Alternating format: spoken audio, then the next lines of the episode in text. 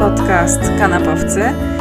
Dzisiaj opowiem Wam o piątym odcinku Gry o Tron i ostrzegam, że moja opowieść będzie się dosłownie paliła od spoilerów, więc nie słuchajcie, jeśli jeszcze go nie oglądaliście. Drakarys. Ileż emocji. Szokujące to jest. Muszę Wam powiedzieć, że nie dane mi było oglądać piątego odcinka ostatniej serii Gry o Tron razem z Wami, wielkimi fanami, którzy wstali w środku nocy o jakiejś trzeciej czy czwartej nad ranem i dzielnie oglądali odcinek, o którym teraz y, internet aż huczy i toczą się wielkie kłótnie i walki ponieważ jechałam e, bardzo wcześnie rano, leciałam w zasadzie samolotem do Rzeszowa na plan trzeciej serii Watachy. No i musiałam się trochę wyspać, no nie mogłam sobie na to pozwolić, żeby zarwać zupełnie e, noc i potem być nieprzytomna w pracy. I starałam się unikać scrollowania Facebooka, Instagrama, e, słuchać rozmów moich współtowarzyszy podróży w autobusie ale powiem Wam szczerze, że nie udało mi się to. Po prostu jakoś zapomniałam o tych spoilerach, otworzyłam Facebooka i dostałam po oczach ogromną ilością informacji, których y, nie chciałam zauważyć. Po prostu nie da się unikać spoilerów, jeżeli się od razu nie obejrzy um, Gry o Tron, ale Wy już na pewno Gry o Tron widzieliście, więc mogę śmiało spoilerować i się niczym nie przejmować. Zresztą wydaje mi się, że akurat w przypadku y, tego serialu bardzo źle się go ocenia, czy o nim opowiada nie mówiąc konkretów, bo tu są bardzo pewne kontrowersyjne e, rzeczy i decyzje showrunnerów, czy też George'a R.R. Martina. No właśnie, często słyszę, że ósmy sezon, a w zasadzie jego niepowodzenie polega na tym, że showrunnerzy radzą sobie sami, piszą scenariusz samodzielnie, bez pomocy George'a R.R. Martina. Poszła nawet teraz plotka, że Martin makiawelicznie napisał już w gruncie rzeczy dwie ostatnie powieści z cyklu e, Pieśni Lodu i Ognia, czyli Wichry Zimy i Sen o Wiośnie. Martin już to zdementował, powiedział, że jest to absolutnie nieprawda, że powieści nadal powstają, z HBO się nie dogadywał i uważa tę plotkę za wręcz niesmaczną. Czyli możemy się spodziewać y, po książkach mniej więcej tego samego finału, co po scenariuszu, ponieważ pisarz sam przyznał, że on absolutnie w kontakcie był od początku do końca z Davidem Benioffem i Danem Weissem. I ja to szczerze mówiąc w tym scenariuszu naprawdę widzę. Przede wszystkim chodzi mi tutaj o Daenerys. Dużo osób narzeka, że scenarzyści zrobili z niej tak nagle psychopatkę, a tymczasem przez wiele sezonów wspominało się jej ojca Aerysa, wielokrotnie podkreślając, że jest szalony.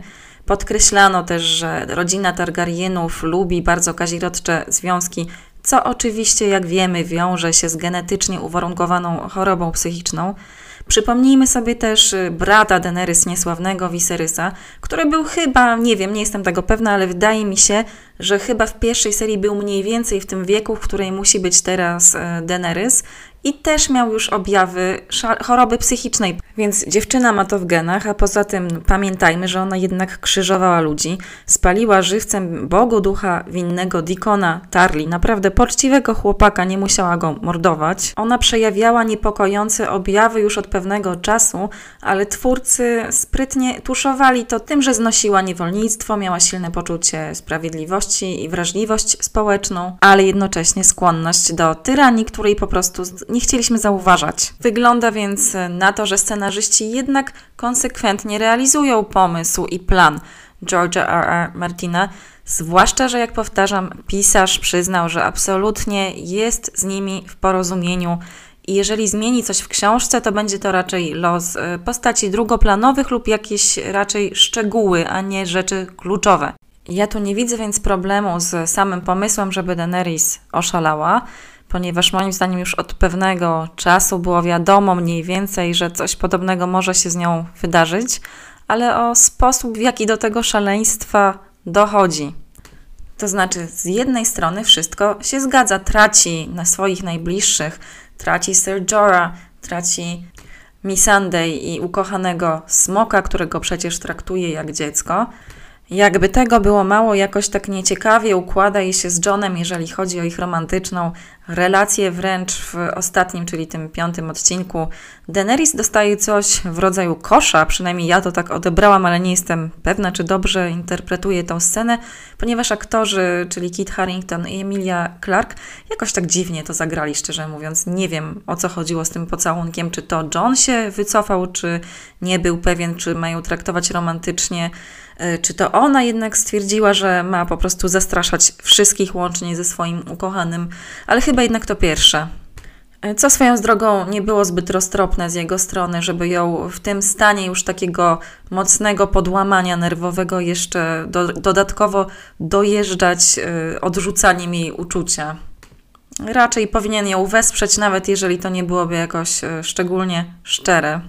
No i jeszcze na dodatek, z czego dowiadujemy się już na samym początku piątego odcinka, Daenerys pada ofiarą spisku Warysa, który chyba rozsyła e, różne notatki na temat tego, kto jest prawowitym następcą tronu. Oczywiście ma na myśli zapewne Johna Snow oraz próbował Daenerys otruć, jak sądzę, no, spiskował w każdym razie z jakąś dziewczynką pracującą w kuchni i bardzo się interesował tym, czy Smocza Królowa już zjadła obiad, czy też śniadanie.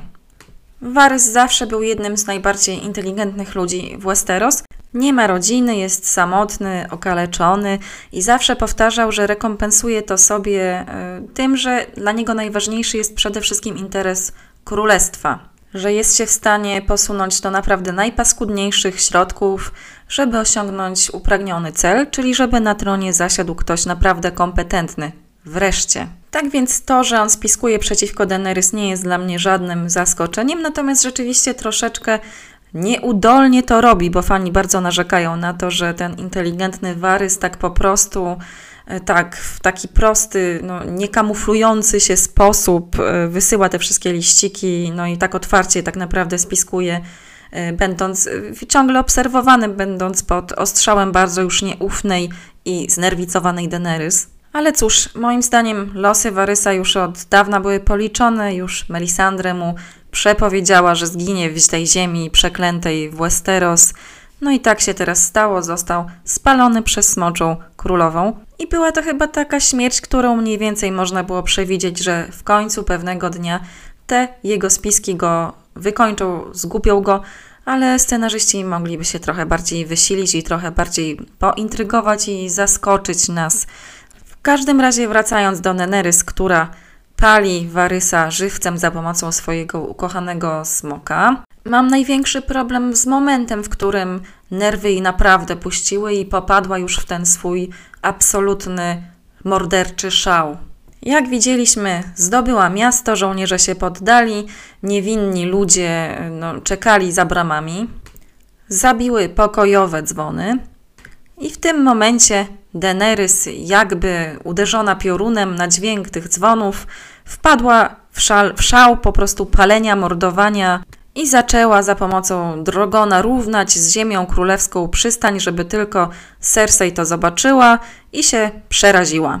Nie przemawia do mnie coś takiego. Wolałabym jednak, żeby Cersei zrobiła coś w swoim stylu, żeby tą Daenerys naprawdę jeszcze dodatkowo wkurzyć i zirytować, albo wolałabym, żeby może ktoś jednak jeszcze podczas tej bitwy zdradził Smoczą Królową. Nie wiem, żeby wydarzyło się coś bardziej przekonującego, co by rzeczywiście sprawiło, że Daenerys całkowicie odpiłaby wrotki, wściekła się i ten jej mord byłby zasadny. A tak miałam wrażenie, że twórcy zrobili to właśnie w ten sposób tylko po to, żeby nas zaskoczyć, zszokować, bo kiedy nam się już wydawało, że wszystko jest ok, że miasto się poddaje, to tu nagle wtedy Daenerys e, odwala, mówiąc brzydko. A jeśli chodzi o smoka, to muszę Wam powiedzieć, że ja nie jestem dobrym strategiem. Kiedy oglądam grę o Tron, nie zwracam aż tak bardzo uwagi i nie analizuję tej gry wojennej, jak niektórzy umieją to robić i zwracają właśnie na to największą uwagę. Ja jednak ten serial oglądam mm, tak emocjonalnie, y, sercem. Przejmuję się bohaterami, ich relacjami, ich stanem emocjonalnym. Lubię bardzo jakieś takie intrygi polityczne, ale dużo gorzej mi wychodzi zwracanie uwagi na jakieś y, nieścisłości strategiczne. Więc jeżeli nawet ja widzę, że coś jest nie tak z tym smokiem, który tak bardzo prosto pali całą flotę Jurona Greyjoya, chociaż y, wcześniej właśnie żołnierze, marynarze tej floty e, bez problemu pokonali jego brata Reigala i wystrzelili w jego kierunku różne straszne włócznie tą bronią zwaną, zwaną e, skorpionem i w zasadzie go rozstrzelali, no, posiekli na kawałki. a tutaj nagle drogą sobie wleciał e, we w tą flotę jak samolot bojowy i ją rozwalił. Po prostu bezproblemowo, żadna włócznia go nie trafiała i w ogóle miałam wrażenie, że tych e, włóczni było wyjątkowo mało tym razem w porównaniu z tym gąszczem poprzedniego starcia Jurona Greyjoya ze smokami. No to nie było przekonujące, podobnie jak fakt, że smok w zasadzie sam włamał się do królewskiej przystani, wybił y, ogniem wrota, wypalił w zasadzie i generalnie bez problemu pokonał ogromną armię Cersei, która przecież była taka zadowolona i pewna siebie po bitwie z nieumarłymi, no bo Daenerys i Jon stracili w niej połowę wojska. Nie wiem, czy chodzi o to, że szaleństwo królowej jakoś wzmacnia smoka, nie rozumiem też za bardzo, y, skąd się wziął ten zielony ogień w królewskiej przystani. Czy to właśnie po tym, jak Daenerys przeszła na złą stronę mocy, to smog zaczął ziać na zielono? Czy to chodzi, że to jest ten, ten słynny taki zielony ogień, którego użył Tyrion w czasie oblężenia królewskiej przystani? Nie wiem, naprawdę nie, nie uzasadniono tego, nie wytłumaczono nam tego, albo ja czegoś nie zauważyłam. W każdym razie, mimo że od strony wizualnej y, to jest bardzo Dobrze zrealizowany odcinek. Miguel Sapocznik specjalizuje się w tych odcinkach gry o tron, w których toczą się największe bitwy. To jednak strategicznie coś tutaj zupełnie nie zagrało. I jeżeli nawet ja zauważam takie rzeczy, to już musi być naprawdę źle. Niespecjalnie też kupuję sposób, w jaki Aria i Ogar weszli do królewskiej przystani, czyli założyli kaptury, a żołnierze Daenerys, czy też tam Johna przekupili słowami, że jestem Arya Stark, jadę zabić Cersei i zostali tak po prostu na luzie wpuszczeni, chociaż stawka przecież jest bardzo wysoka, bo chodzi o żelazny tron. I żołnierze powinni być raczej nieco bardziej podejrzliwi. Jeżeli chodzi o Ogara, to muszę jednak przyznać, że Clegane Bowl y, naprawdę całkiem mi się podobał. Podobało mi się zakończenie tego szalonego, słynnego pojedynku, na który wielu widzów czekało z niecierpliwością. Góra i Ogar spadli w płonącą przepaść niczym Gandalf i ten taki potwór z, z Mori, nie pamiętam jak mu było na imię, z Guba Durina czy coś takiego. No w każdym razie fajne to było. Spektakularny, solidny koniec bratobójczej nienawiści. A propos rodzeństwa, no to przejdźmy już może do Cersei i Jaime'ego Lannisterów. Jeżeli chodzi o samego Jaime'ego, to ja szczerze mówiąc nie jestem taka załamana i wściekła na to, w jaki sposób zakończono jego wątek. W 2013 roku robiłam wywiad z Nikolajem Koster-Waldau i bardzo dobrze zapamiętałam, e, co powiedział na temat jego związku z Cersei, to znaczy związku jego bohatera z Cersei. Zaznaczył, że Jamie jako jeden z niewielu mężczyzn w Westeros nie jest hipokrytą i przez całe życie sypia tylko z jedną kobietą i tylko tą jedną kobietę tak naprawdę kocha.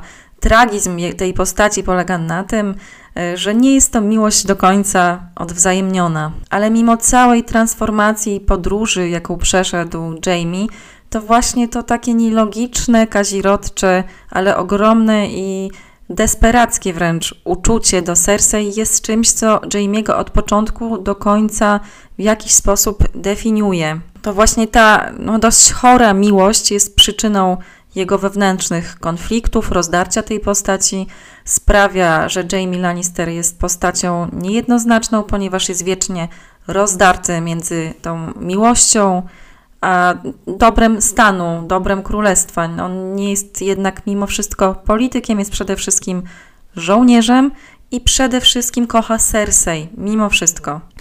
Zostawia ją, to prawda, ponieważ nie zgadza się z jej decyzjami strategicznymi i ją opuszcza, ale to nie znaczy, że kompletnie z nią zrywa, zapomina o niej i już o nią nie dba.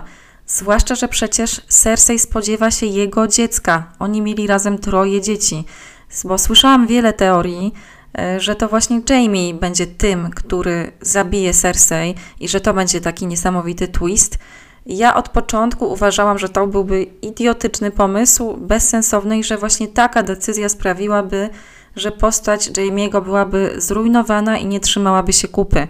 Ponieważ jedno, co można na pewno powiedzieć o Jamie, to to, że nigdy w życiu nie zabiłby Cersei.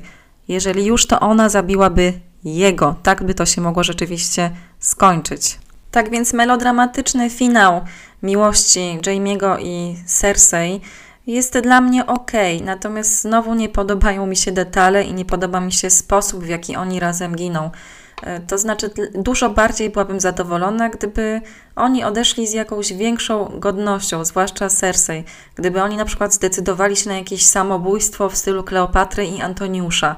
Cersei już, już kiedyś zrobiła taki myk, że zasiadła na żelaznym tronie, wzięła Tomena na kolana, miała w rękach truciznę i chciała najpierw zabić swojego synka, a potem sama umrzeć albo od noża wyznaczonego do tego y, żołnierza, albo no właśnie przez truciznę. Ona była na to gotowa. To nigdy nie była kobieta, która e, załamuje się i płacze i rozpacza i krzyczy. Nie chcę umrzeć, chcę żyć, chcę, żeby nasze dziecko żyło. Nie, właśnie przypominam sobie dokładnie tę scenę, niesamowitą zresztą, z oblężenia z odcinka Blackwater, E, I bardzo mi szkoda, że w przedostatnim odcinku całej serii rozwiązano losy Cersei w ten sposób, że właśnie w ostatnich scenach swojego życia ona była taka dosyć histeryczna i, i załamana.